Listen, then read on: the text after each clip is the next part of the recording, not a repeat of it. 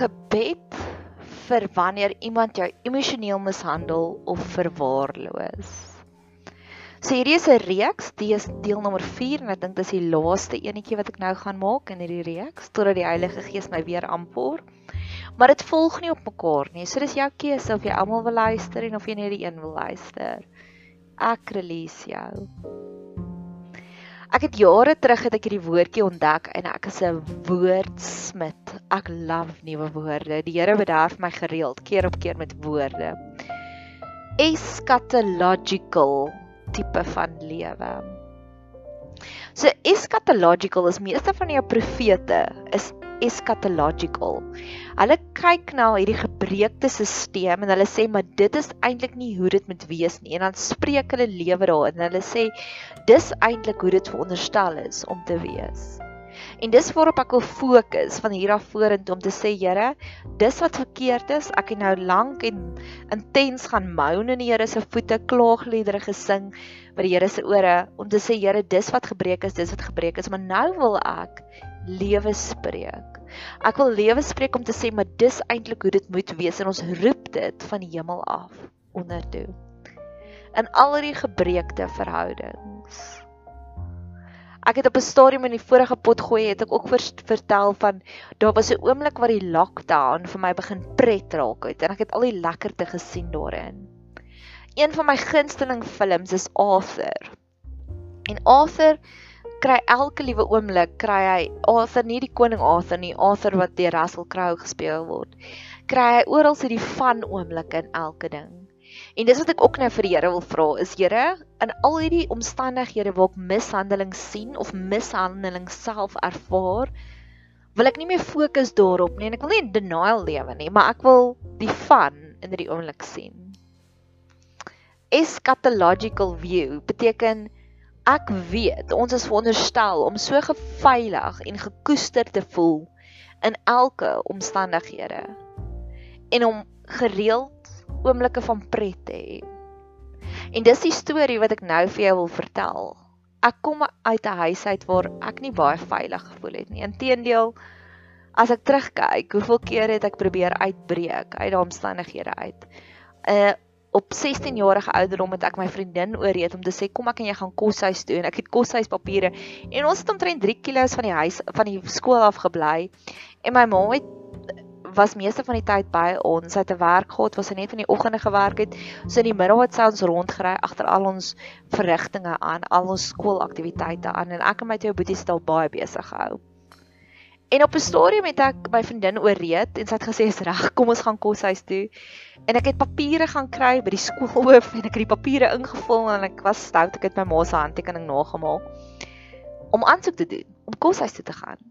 En obviously het die storie uitgekom en my ma was woedend want nou kan ek ook verstaan want sy het haar beste gegee om 'n goeie mamma te wees om ons rond te ry maar my kinderhuis was nooit 'n plek van veiligheid nie. En nou besef ek O, so dis hoe dit voel om emosioneel veilig te wees by mense. En nou eers, laat 30s ouderdom, weet ek hoe voel dit om regtig erg veilig te wees by mense. En ek het hierdie oomblik so intens ervaar. Vrydagoggend op pad na die begrafnis toe, waar die hele trigger was van die van die potgooi reeks, was ek met my katedraal vriend op die foon besig in my motor maar met 'n handsfree kit, so ek het niks onwettig gedoen nie. En die polisie het my afgetrek net vir 'n random check om te kyk of was my lisensie geldig en um en ek het vir my katedraal vriend gesê ek word afgetrek, ek bel jou nou net terug en sy antwoord was nee, ek wil hoor wat gaan aan. Moenie my aflei nie en ek sê ek dis reg. En ek het net in daai oomblik geweet ek is so veilig by hom dat as daar iets sou verkeerd gaan, sou hy my kom beskerm en my kant gevat het. En in daai oomblik het ek ook geweet ek het so 'n bietjie nonsens want my lisensie skuif op my kar het verval en ek het die nuwe een onder die sitplek ingehaat. So ek het geweet hierdie gaan nou weer 'n oomblik wees van Nadia praat jouself gou-gou uit. En intedeel speedkops maak my nie meer bang nie want ek het daarvoor ook gebid om te sê Here ek sien dit maar net as 'n uitdaging. En in daardie oomblik terwyl hy my aftrek en ek vra hom wat sy naam En hy sê Aaron en ek hoor 'n Aaron. En hy, hy sê toe nou eers jou lisensieskyf het verval. Ek sê jok weet, maar kyk hier's die regte een. En hy lag toe nou vir my. En my my bestuursy het ook verval, maar ons is in grace period want ek kry nie tans 'n uh, afspraak nie. En ek het myself daar uitgepraat en ek is weg sonder 'n boete. En my katedraal vriend sê vir my jy het sy naam verkeerd gekry want jy probeer nou weer alles Bybels te maak en ons het gelag daaroor en dit was verby. Waar wanneer jy onveilig voel by iemand, sou jy eers van alles gesê het nee, ek gaan nie jou toelaat in hierdie verskriklike kwesbare plek nou nie. Ek gaan jou afsny en jou uitsny, maar my siel voel so veilig by hierdie persoon dat dit was nie vir my intimidasie die feit dat hy letterlik geëefstrop het op hierdie gesprek wat ek nou sou gehad het, nê. En dis so veilig ons moet voel by die mense in ons lewe. En dis my gebed. Dis waarop ek wil uitkom. Mag jy nie meer bang wees vir mishandeling of verwaarlosing nie. Maar mag jy eerder net sien hierdie is nog 'n veilige plek. Daar's iemand wat got your back. En selfs in oomblikke soos dit waar 'n speedkop my afgetrek het, was daar nie een oomblik van vrees in my nie. Daar was soos oh, ek gaan kyk wat kan ek uit hierdie oomblik uit leer en wat 'n storie kan ek nou hier versamel. En mag ons ook so kyk na selfs ons slegte situasies, die mishandelingsstories. Mag ons dit ook sien as oomblikke wat ons kan versamel en oomblikke waar ons kan vertel. Ek wil praat oor rebelleer, om te rebelleer teen die omstandighede. Keer op keer op keer het ek nou al agtergekom dat kinders wat rebelleer is nie stout nie. Rebelleer is vir my letterlik dit is 'n hulpkreet om te sê hierdie situasie is stikkend en ek wil uitfreek daaroor. Ek wil noodkrete uitstuur. Ek glo nie in stoute kinders nie. Daar is 'n bietjie sielkundige afwykings, maar dit kan ook verduidelik word. En ek glo nie in kinders wat rebelleer is stout en moet gestraf word nie. Ek glo eerder daarin om te sê kom ons sit in hierdie situasie en ons analiseer dit uit. En dalk is jy ook geklassifiseer en gelabel soos rebel, soos ek ook was. Want nou, volwasse ek kan sien 22 jaar later, die feit dat ek daai koshuispapiere gaan kry, het was 'n noodkreet om te sê My huislike omstandighede is so haglik. Ek wil weg hardloop daarvan. Jesus het gerebelleer. Die feit dat Jesus gaan doop, homself laat doop het in die Jordaanrivier, was 'n baie uitspattige rebelleringsstappie van hom. In Jerusalem was daar oral mikwa um baddens, plekke waar mense gedoop was. Maar Jesus het uitgegaan om in die Jordaan te gaan doop deur Johannes die Doper en Johannes die Doper was fisies in 'n rebelleer mode teen die godsdienstige omstandighede. Ek het vertel dat my vriendin wat het, wat die hele gebedsreeks geïnspireer het. Ek was by haar ma se begrafnis en sy het ook gerebelleer op 'n baie mooi en gesonde manier. En ek glo dat om te rebelleer teen dinge is hoe ons nie daai woede onderdruk nie, ons gee uiting daaraan. So mag jy ook grace hê met jouself as jy terugkyk na hoeveel kere het jy wel gerebelleer. Want ek glo nie om te rebelleer is stout nie. Ek glo dis noodkrete. Dis om te sê help my. Ek weet nie meer hoe om help my te skree nie.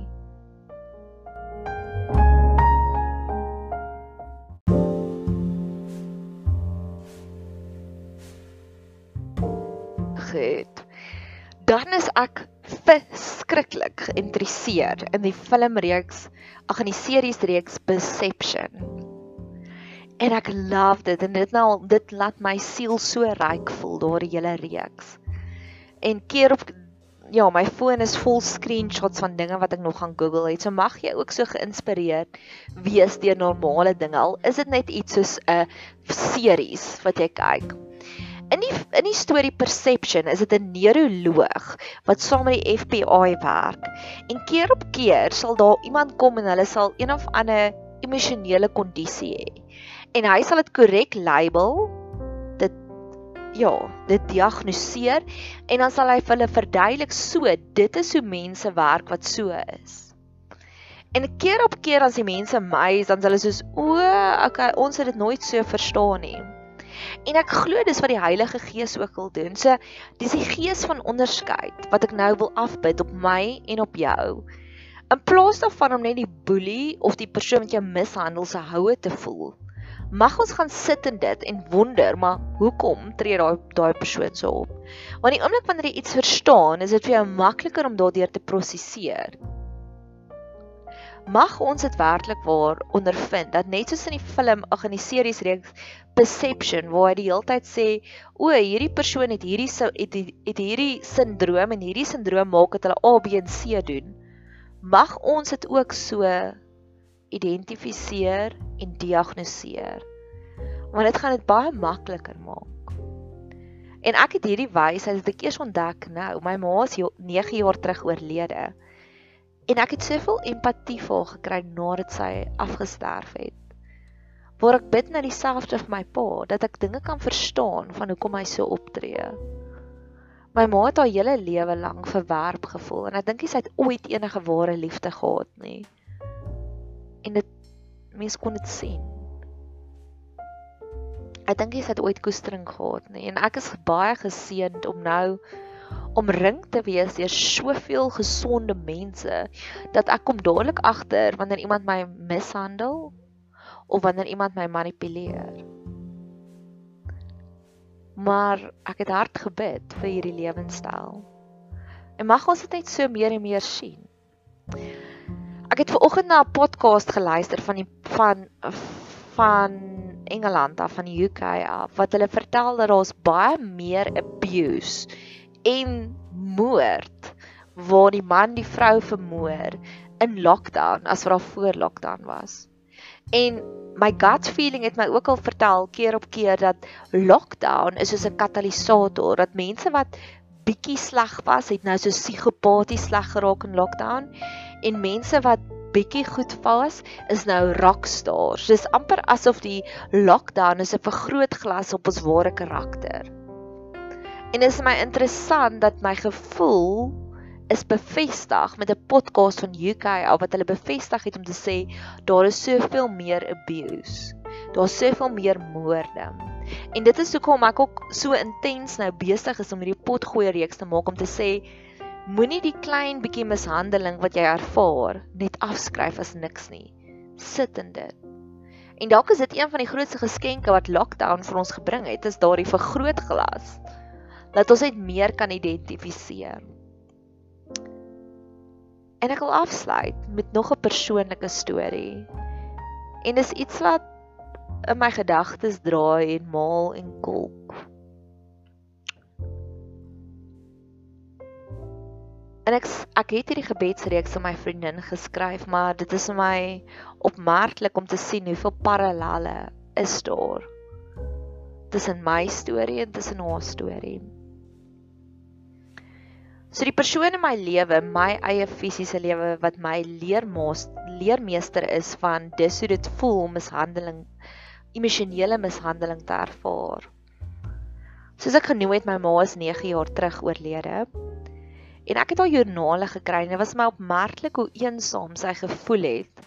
Sy is met kanker, sy is as gevolg van kanker oorlede, maar sy het 13 jaar lank kanker gehad. 12 jaar. En dit was maar opmerklik in haar joernale hoe sy ervaar my pa het haar nie ondersteun nie my pa het haar verwerp en my pa was nooit daar vir haar behandeling en hom haar handjie vashou nie. En dis klassieke simptome, my pa kan nie hartseer hanteer nie. Hy weet nie wat om te doen met hartseer nie. Hy hardloop weg van hartseer af. En 'n paar weke terug het hulle vir my kom kuier, hy is intussen tyd weer getroud. En alhoewel ek altyd gedog het hy en sy nuwe vrou het 'n relatiewe goeie verhouding. Het daar hierdie insident gebeur van en dit was omtrent een van die eerste dinge wat hulle vir my vertel het, die oomblik dat toe hulle gearriveer het en neem in ag geneem, hulle bly 300 km weg van my af. Ek het hulle 6 maande terug gesien voor lockdown en waar die mond van waar die hart van vol is loop die mond van oor. En hulle het vir my vertel hulle het amper bietjie konflik gehad of 'n risie gehad in die middel van die aand. En ek sê ek vertel my meer. En uit my pa se vrou se oogpunt uit, vertel sy hy het gehoes die hele aand En sy sy wou hom die hele tyd net met wiek smeer want sy's 'n versorger en sy koester. En hy het so geïrriteerd geraak met haar wat so gevaf het. Hy het vir haar gesê op 'n stadium, um moenie so vaf nie, anders gaan ek in 'n ander bed slaap. En dit het haar seer gemaak. Sy het dit nie in soveel woorde gesê nie, maar die feit dat dit was die eerste storie wat hulle vir my vertel het. Ek gevra hoe gaan dit? Toe vertel sy hierdie storie vir my en my pa se woorde is ja, sy ooreageer. En later sou ek een en een bymekaar sit want op 'n stadium in lockdown het ek 'n meltdown gehad oor die feit dat my pa my nie een keer gebel het om te hoor of ek okay nie. Want lockdown het ewe skielik het dit gemaak dat jy oor almal wil omgee en vir almal wil versorg. En ek kan onthou ek het gegaan om my voete te laat vry vir, vir refleksiologie. En dis altyd 'n baie veilige plek, so daar kom daar dinge uit wat ek eintlik onderdruk. En ek het snikkend gehuil by my refleksioloog om te sê dis vir my so sleg dat my pa my nie bel net om te hoor hoe gaan dit nie. En dit was my opmerklik dat die heel eerste woorde wat hulle vir my gesê het was omdat iemand hom wou versorg het dit hom gelei tot woede en dreigemente waar hy van gesê het as jy nie nou ophou nie gaan slaap ek in 'n ander in my eie bed in 'n ander bed. Is dit 'n refleksie dat mense wat mense mishandel of verwaarloos nie die kapasiteit het om empatie te ervaar nie om liefde te ervaar nie of liefde uit te deel nie. Dis 'n mystery vir my. Want inteendeel, wanneer iemand vir my TLC gee en sê, "Hoe gaan dit met jou? Ek worry oor jou." 90% van die tyd voel dit vir my soos, "O, oh, oh, hierdie persoon is lief vir my." En dis hoekom hulle dit doen. Waar die oomblik toe hy dit geervaar het, het hy dit as 'n bedreiging gesien. So ja, dis dalk net 'n kykie aan die ander kant. En dalk is dit iets waarvoor ons kan bid. Om saam te vat, eschatological tipe van lewe. Ek wil vertel dis hoe die hemel voel en ek glo ons kan die hemel op aarde kry. En dis waarna ek op soek is in hierdie potgooi reeks. Ek het die storie vertel van Arthur, Arthur, die film wat van gesien het, wat pret gesien het in elke oomblik. En dis waarvoor ek nou bid. Ek het vertel van Eschatological, my kathedraalvriend by wie ek so veilig voel tans, dat ek laat hom toe om te eavesdrop in my onderhandelinge met 'n speedkop. Ek het vir jou self die toestemming gegee om te sê die oomblik wanneer jy rebelleer, is dit 'n goeie eienskap. Want onthou iemand wat in 'n slegte situasie is en wat nie meer rebelleer nie, beteken hulle het nog hulle het alreeds die omstandighede ervaar, aanvaar en hulle is so 'n zombie wat niks met hom trend doen nie. So die oomblik wat jy rebelleer teen hierdie slegte omstandighede, vat dit as 'n positiewe ding, want jy het nog steeds 'n bietjie fight in jou. Ek het vertel van perception en die persoon wat daar die hele tyd Daniel Daniel Pees is sy naam, wat die hele tyd die labels opgesit het van o, dit is wat die simptome is, dis wat die sindroom is. En mag die Heilige Gees ons daardie gees van onderskeid gee. Ek het vertel van die podcast wat ek geluister het vanoggend waar hulle sê in die UK is daar meer abuse en meer moorde. En ek sien dat lockdown is soos 'n katalisator wat die goeie uit ons vinniger uitdruk en die slegte ook vinniger. En ek het die laaste storie vertel dat ek wonder of mense wat ander mense mishandel nie die kapasiteit het om empatie te ervaar of empatie uit te deel nie. Ja, mag jy 'n geseënde reis hê. Mag jy net van krag tot krag, gesonder tot gesonder word. Mag ek en jy môre bietjie meer gesond wees as wat ons vandag is. Mag ons vandag meer wees as wat ons gister was. Mag jy super geseënde reis hê verder.